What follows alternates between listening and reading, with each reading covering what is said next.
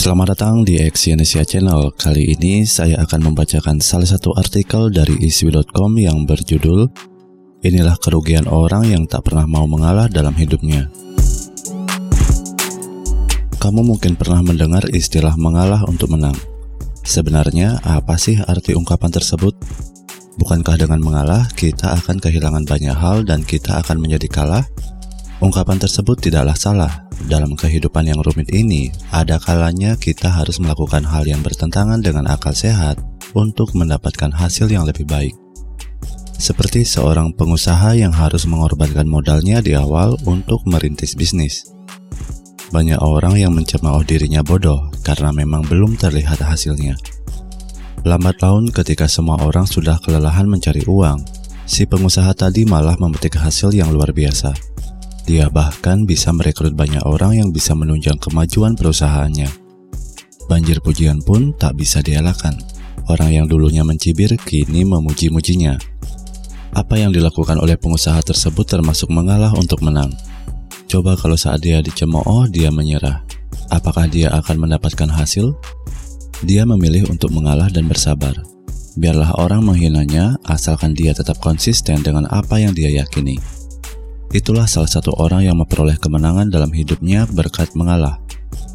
Nah, bagi orang yang kurang terampil, maka hidupnya akan selalu dirundung masalah karena sikapnya yang ingin selalu menang sendiri. Dia tidak mau mengalah sama sekali saat berhadapan dengan orang lain.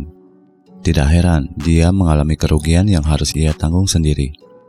Inilah beberapa kerugian orang yang tidak mau mengalah dalam hidupnya yang sudah isi rangkum supaya kamu bisa belajar seni mengalah. Mereka selalu merasa tidak puas dengan pencapaiannya. Orang yang selalu ingin menang akan merasa terpojok ketika mengalami kekalahan Semisal dia mendapatkan posisi kedua dalam peringkat karyawan teladan.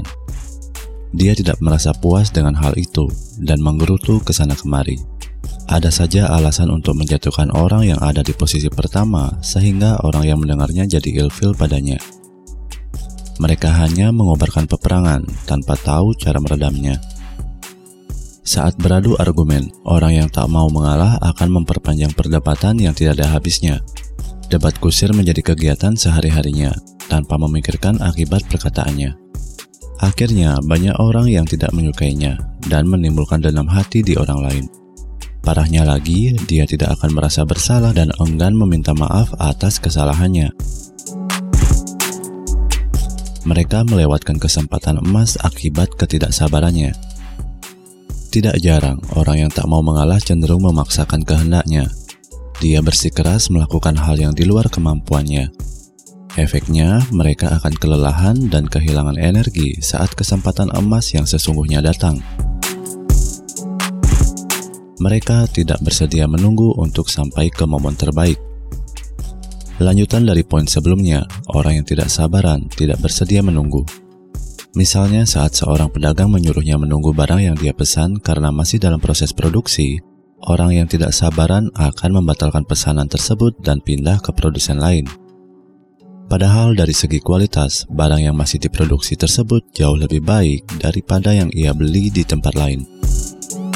Mereka hanya mendapatkan sedikit, padahal bisa mendapatkan jauh lebih banyak.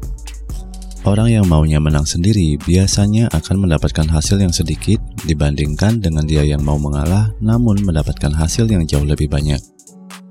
Mereka suka yang instan, padahal itu tidak baik baginya. Nah, itulah kerugian-kerugian orang yang tak mau mengalah dalam hidupnya.